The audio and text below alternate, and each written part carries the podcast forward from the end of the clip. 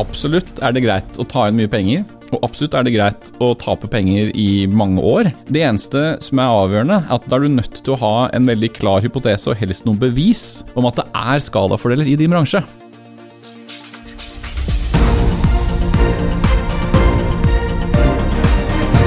Dette er All In med Oslo Business Forum.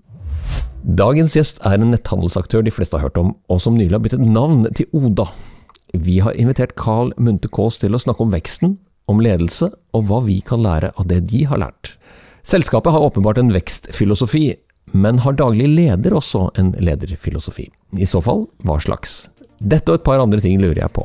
Jeg kan tenke meg å høre om de har noen tips til de som vil lære mer om netthandel, og hvor det begynner, hvilke fallgruver som finnes, osv. De gangene jeg har hørt Carl snakke om Oda eller gründerskap, blir jeg både glad og litt tankefull. Glad fordi vi trenger sånne som Carl, som går løs på dagligvarebransjen og utfordrer, er uredd, kunnskapsrik og modig. Tankefull fordi netthandel er komplekst. Det er marginer og logistikk, forbruk og miljøhensyn som gjør at kunnskapet til de som lykkes med dette, med fordel burde vært delt og distribuert. Derfor skal jeg forsøke å grave litt i hva som skal til, lykkes med et konsept som utfordrer det bestående. Velkommen til podkasten All In med Oslo Business Forum, en podkast for ledere som er lidenskapelig opptatt av ledelse, innovasjon og strategi.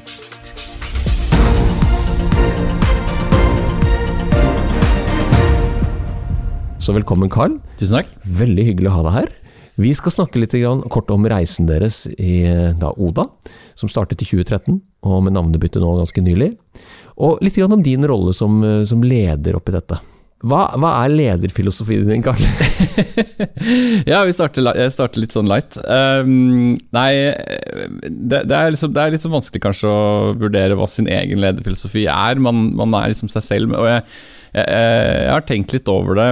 Jeg tror um, mitt inntrykk, og det jeg også forstår av det rundt meg, forstått, det er kanskje trekke fram to ting. Det ene at jeg, jeg er svært tillitsfull. altså selvfølgelig så, så eh, starter det jo med å velge de, de, de, riktige folkene og de beste folkene. Og, og, når vi først har gjort det, så gir jeg stor tillit. Jeg er ikke noen liksom micromanaging-type. Og jeg har veldig respekt for folks, um, folks fagområde, så det er veldig sjelden at jeg overprøver og sånt noe. Så, så mye tillit. Og så tror jeg det andre som Eh, kanskje fair å si at eh, jeg tenker mye på, på hvor ballen kommer til å være. Det er noe jeg syns jeg ser mye rundt meg, at det er ofte litt sånn statisk eh, syn på ting. Man ser på tallene tilbake i tid osv. Det, det jeg mener dette egentlig handler om, er jo å se hvor, hvor ting kommer til å være framover, hvordan ting utvikler seg i endring. Da. Hvor lang horisont har du da? Nei, altså eh, det vi gjør nå, det er det på en måte generasjonsperspektiv på. Den siste store disrupsjonen som skjedde i vår bransje, altså eh, handel, da, eller dagligvarehandel, det var jo supermarkeder eh, som gikk ironisk nok fra kolonialbutikker da, over til sånn supermarkeder. Selvbetjente supermarkeder og sånt noe. Eh, som kom ikke sant, eh, ja, i Norge 70-80-tallet. Uh, og i verden 50 år før det. ikke sant? Så det er jo omtrent 100 år gammel forretningsmodell, egentlig. Jeg tror at dette her blir en helt ny infrastruktur for handel. Hvis jeg ser en generasjon fra nå, når jeg er i slutten av 30-åra, eh, når jeg nærmer meg 70, så, så, har det kommet en hel generasjon bak meg sant, som vokser opp med dette her. Som har en helt annen syn på det, og som kanskje ikke helt forstår hvorfor man skal gidde å bruke butikk i det hele tatt. Eh, I det perspektivet så er det klart at da man bygger ganske, en ganske stor infrastruktur for å klare å betjene det behovet som egentlig ligger da komme tilbake til det, men, men, som da leder, har du, hatt, har du dette som en sånn visjon? Er det noe du tenker på at du skal nå være med på å endre ja, dagligvarehandel da, til evig tid? Ja, det har jo egentlig vært eh, Det har vært uh, håpet, det. Altså, jeg tror jo, om, om, noe så har jo den blitt styrket etter hvert som vi har blitt større og sett hvor effektivt det er mulig å gjøre det. Så, um, så når vi startet, så var det jo på en måte å revolusjonere dagligvarehandel i Norge.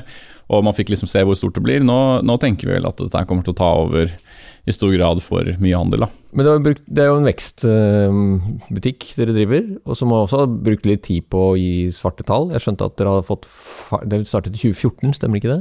Ja, 2017. Vi begynte, ja. men vi begynte på en måte oppskalering begynte jo forstått i 2015. da. Så det var litt testing og, og sånt nå før det, og så begynte vi å skalere på 2015. Og så hadde dere et bra fjorår, har jeg skjønt, Mm. med noen tall som E24 omtaler som to milliarders milepæl.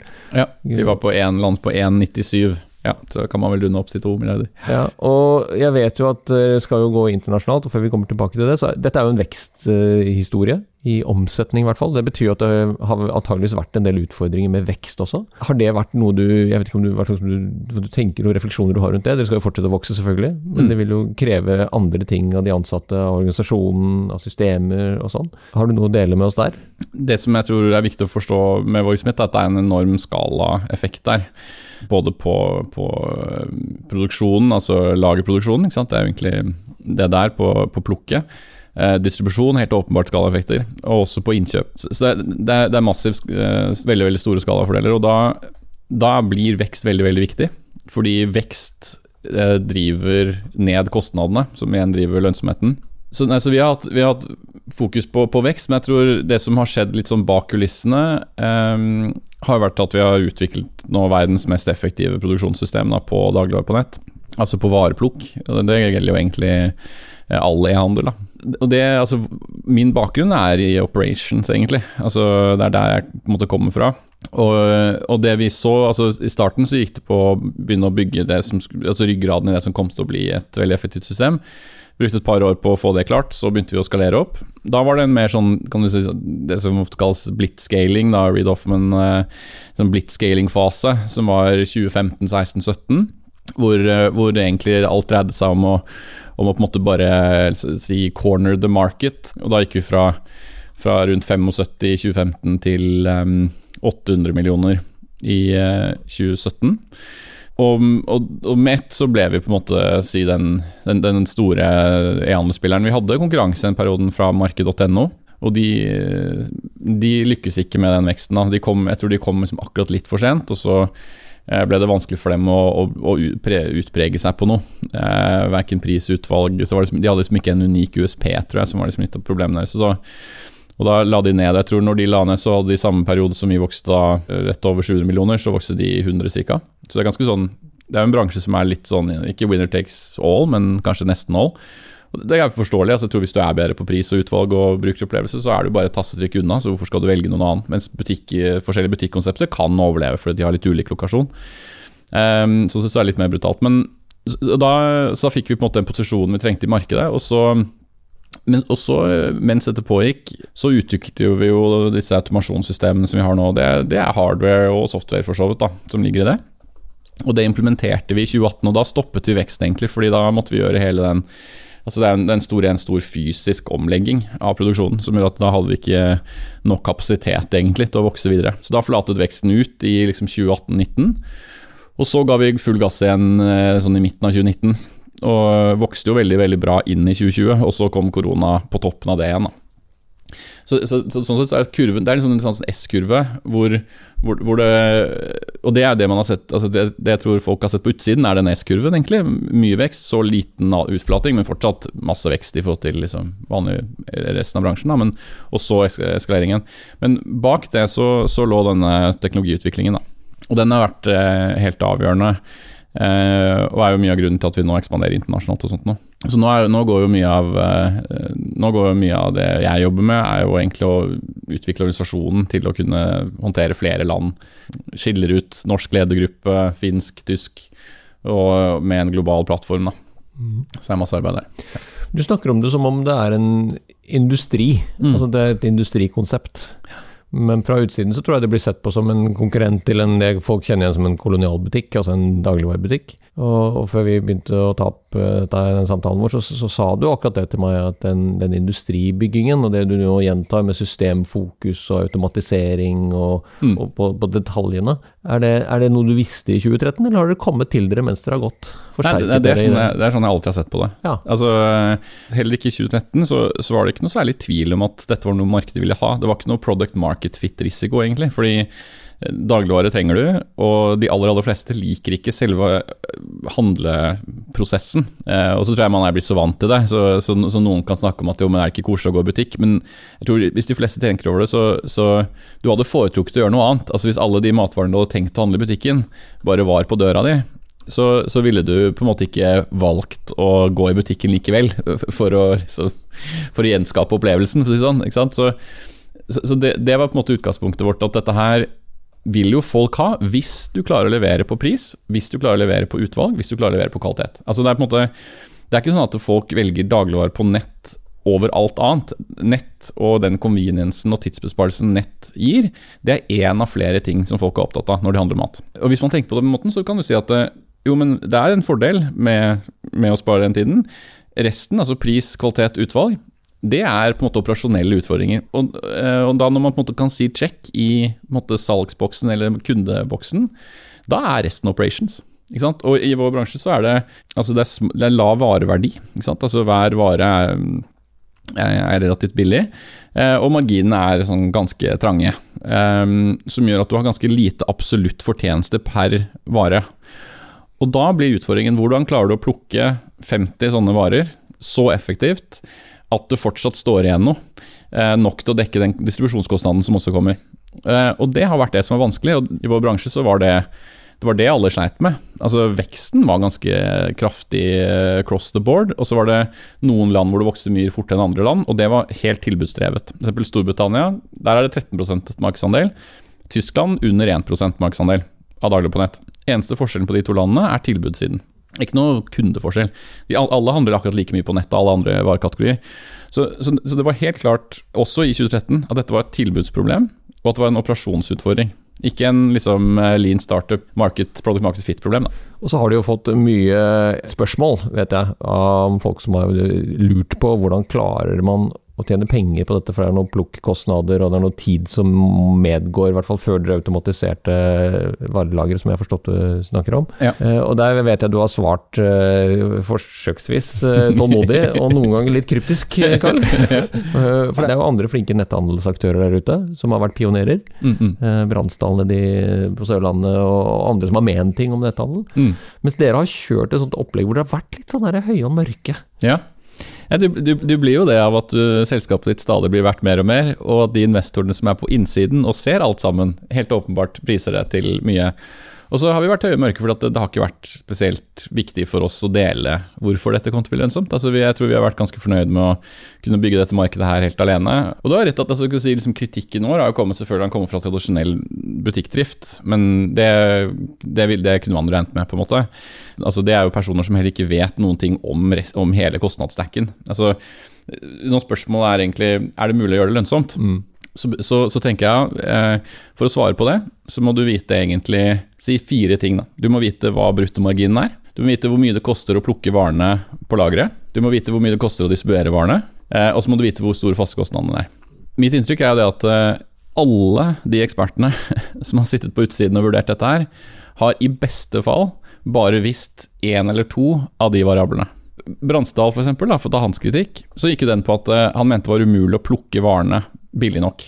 Og det, altså, I hans virksomhet så er det eh, mye høyere vareverdi. Så la oss si at i snitt så koster hans vare 100 kroner. da. Og så har han kanskje ganske høye marginer også. La oss si de er 40 Ja, Da tjener han jo 40 kroner på å plukke en vare.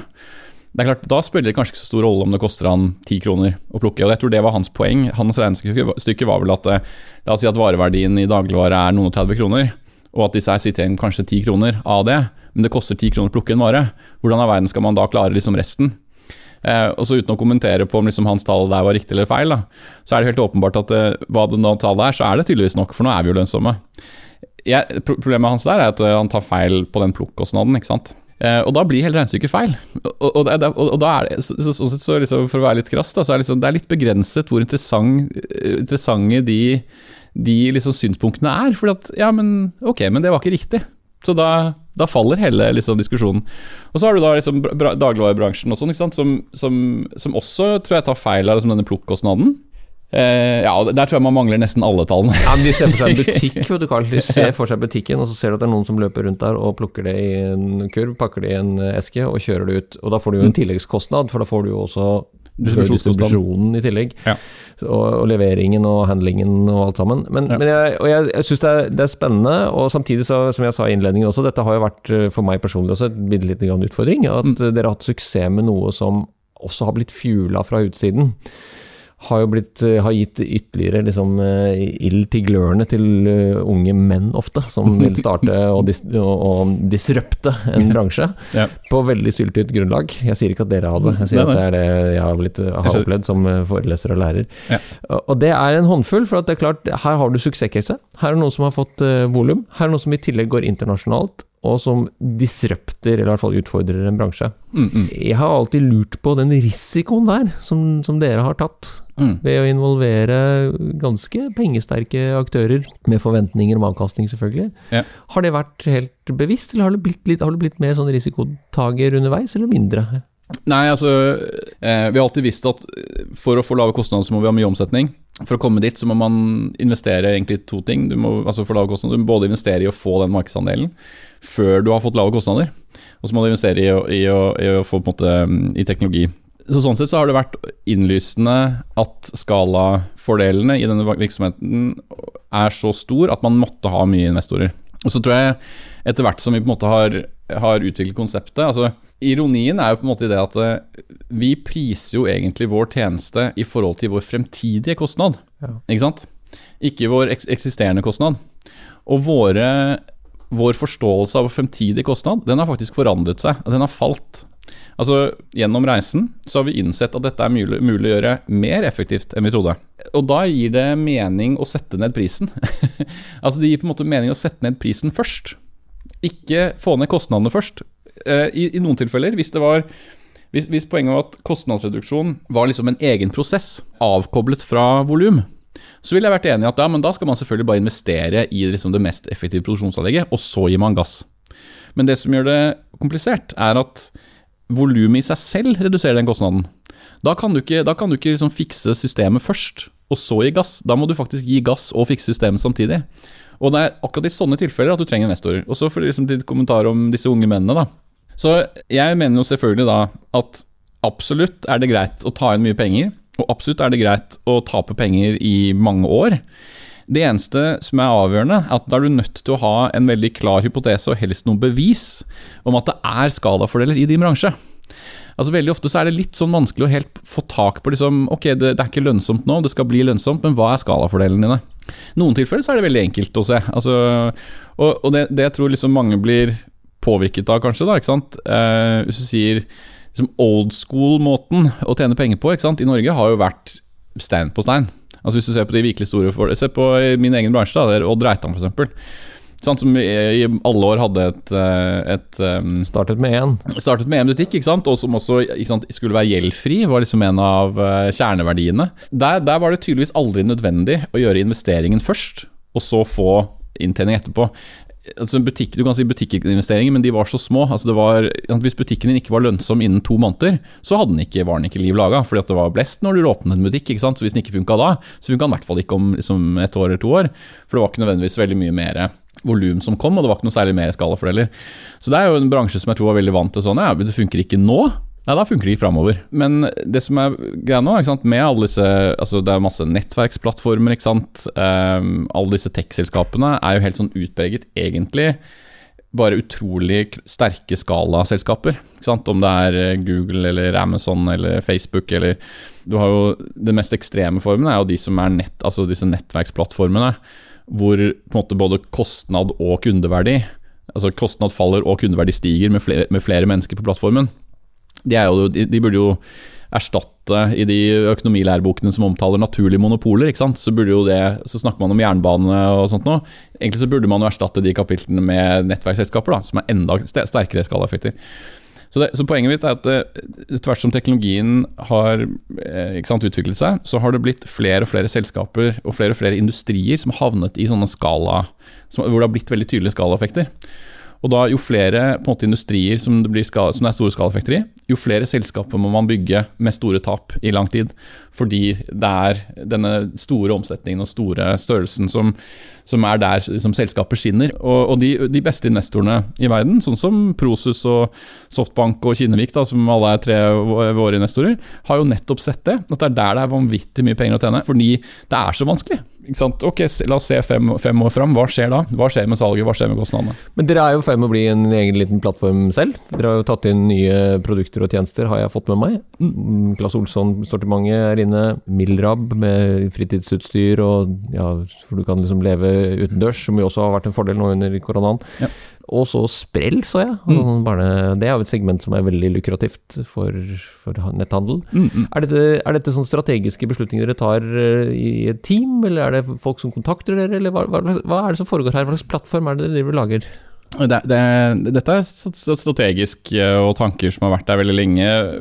Rett og slett fordi Det er kanskje innlysende eh, nå, men, altså, men kjernen er å vinne dagligvare. bare så det er klart? Så Når du har den kjernen, så er det jo utrolig altså Det er bare så innlysende, nesten, syns jeg, sånn industrielt, da, at for kundene, det å kunne bare legge én vare til oppi handlekurven, det er kjempeenkelt. Du har eller annen, et eller annet problem. Du, du har, mangler eh, gave til, eh, til eh, et annet barn i barnehagen. Eller um, du finner ikke HDMI-kabelen din hjemme, liksom. Da får du liksom et, okay, det er et problem. Det å kunne løse det med liksom ett trykk på den, på den dagligvarekurven som uansett kommer hjem til deg, Skipper du handletur i butikk, selvfølgelig, men du skipper også handletur i en annen nettbutikk, som du må forholde deg til en annen levering. Så på kundesiden så ser vi at det har masse kundeverdi, og det er, liksom, det er utgangspunktet. Er derfor vi, det er derfor vi ser på å gå inn i flere kategorier. På, på, på måte kostnadssiden så er det jo helt nydelig. For du kan tenke deg at Vår marginalkostnad av å putte den leken oppi din handlekurv, den er nesten null. Altså Det koster oss basically ingenting å selge den varen ekstra. Uh, og da, det, da gjør det selvfølgelig at da blir det masse uh, Da blir jo hele bruttomarginen eh, på produktet blir jo egentlig profitten. Og det kan man jo dele også. slik at Derfor så er dette noe som på en måte kunden har vunnet på, vi har vunnet på, og Claes Olsson har vunnet på det. Det er kjempespennende å følge med dere, og jeg er også litt nysgjerrig på Dere var jo ti stykker som startet opp, og du var jo grunn, i en gründerfase. Hvor lenge var du i gründerfase, og når ble det en vekstfase?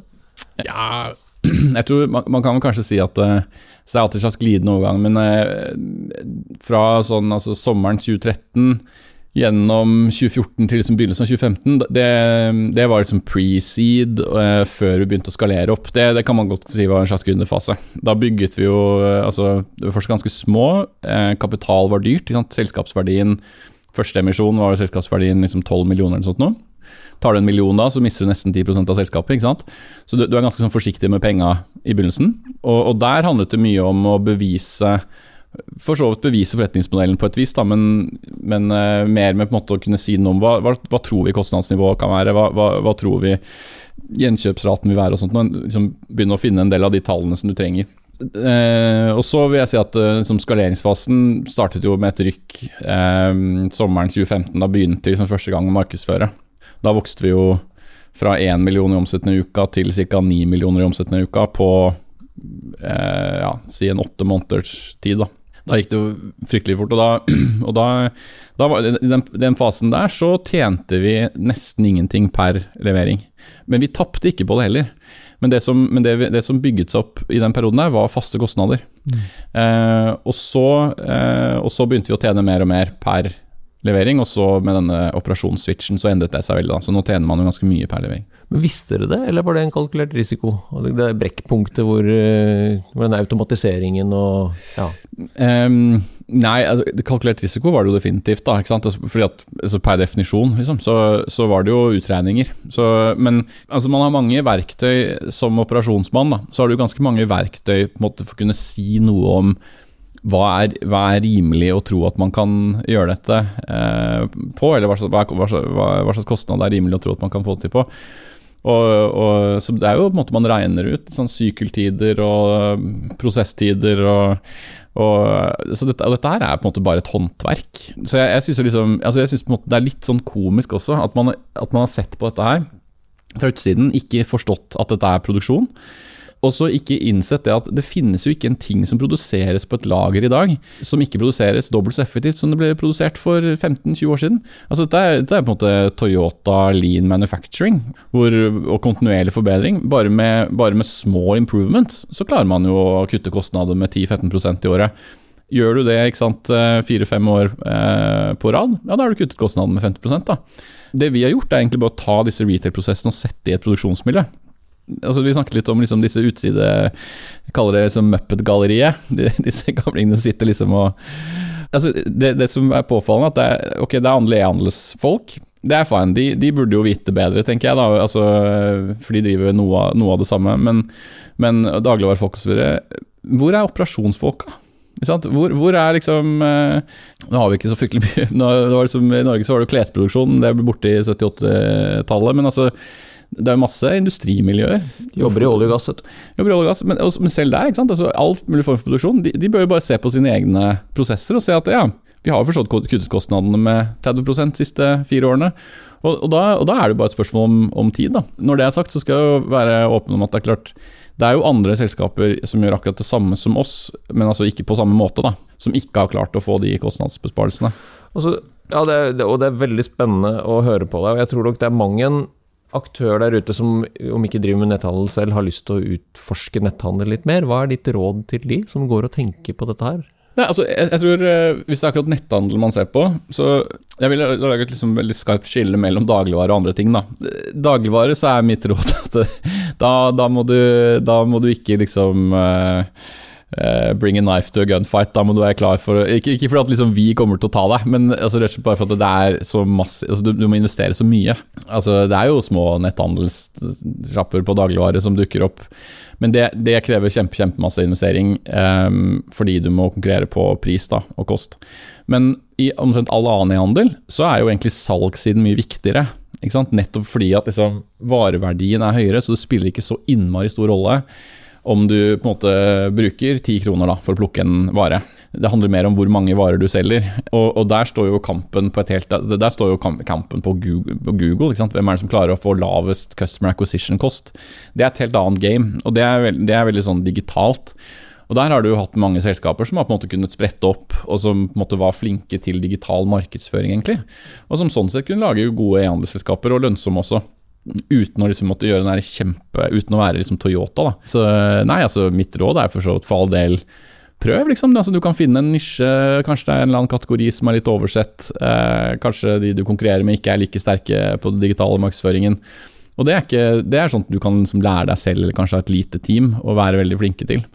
Eh, men det er klart, det er jo, begynner jo å bli crowded eh, eh space. Men eh, jeg leste i avisen i dag eh, Easy, bil, altså elbilladeselskap tjener jo penger som gress, ikke sant, har aldri vært ulønnsomme.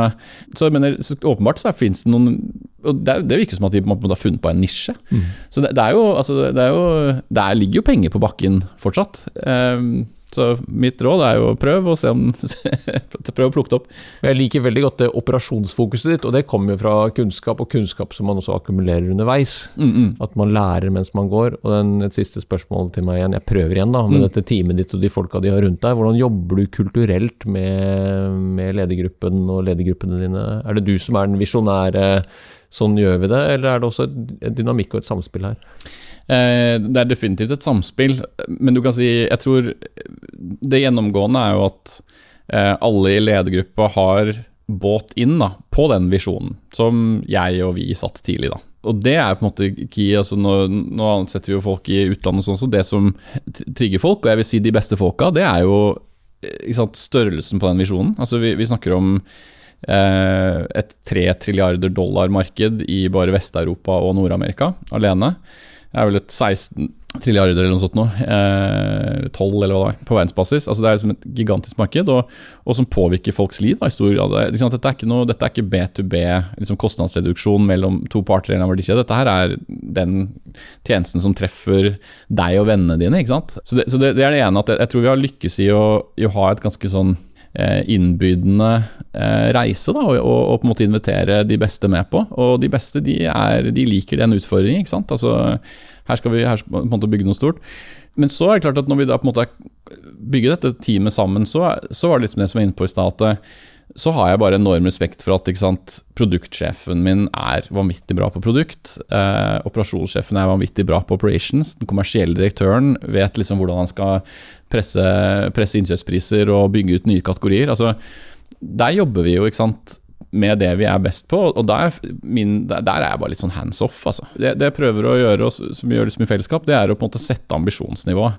Jeg mener Når man har så kompetente folk som, som eh, jeg føler jeg har i min ledergruppe, og også i, i, i nivåene under, så, så mener jeg som leder at det egentlig handler på en måte om to ting. Det ene er bare å, å bygge organisasjonens selvtillit. At man på en måte tenker at, vi, at, liksom, at, en selv er bra, og at de rundt seg er bra. Det, og Det siste er også veldig viktig, det, og, og, og, egentlig over til det andre punktet, som er å på en måte koordinere mot mye vekst. Da, altså, vi setter stretch targets.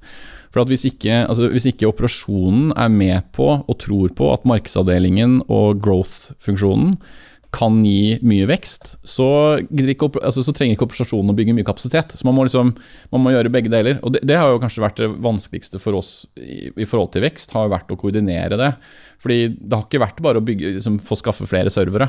Altså Hvis vi skal vokse, sånn som vi vokste i den vekstfasen i 2015-2016, 7% i uka, så betyr det folk, biler, lagerplass, eh, automasjonsutstyr. Altså det, er liksom, det er utrolig mange ting. Da, som, så det er, det er, jo et vanvittig liksom, komplekst koordinering, til syvende og sist. Men, eh, men sånn kulturelt så, så, handler det om måte, å, å, å, dele, dele denne liksom, store visjonen, og så gjøre det hver kan, kan best da, for å på en måte oppnå det. Dette er helt fantastisk. Tusen takk. Jeg skal oppsummere med noen ord om at jeg har fått med meg at du er med på et prosjekt om å endre dagligvarehandel for evig og alltid. Jeg er så gammel at jeg husker kjøpmannen på hjørnet. Den fins jo ikke lenger, nå er den jo blitt automatisert og digitalisert. Jeg har lært masse av deg nå om hvordan du tenker som en sånn prosessperson. Og det er operasjonen og prosessen og veksten kommer når man har volume of scale, da. Mm -hmm. Det har jeg lært. Uh, og så er det faktisk, må jeg jo fortelle at det er lenge siden vi brukte jernbanen på,